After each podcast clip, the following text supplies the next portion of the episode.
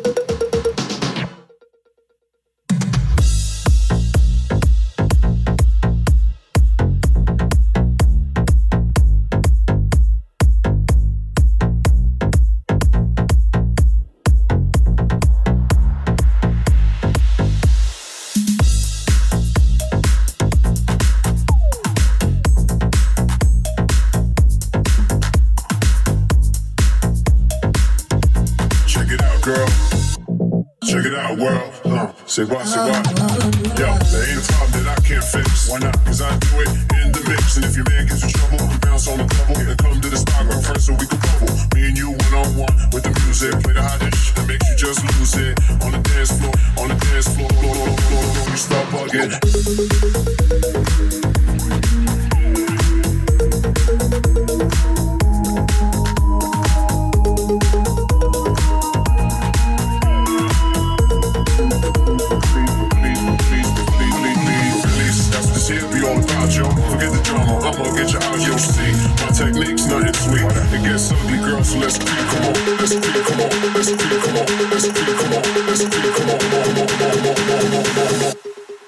Out, girl.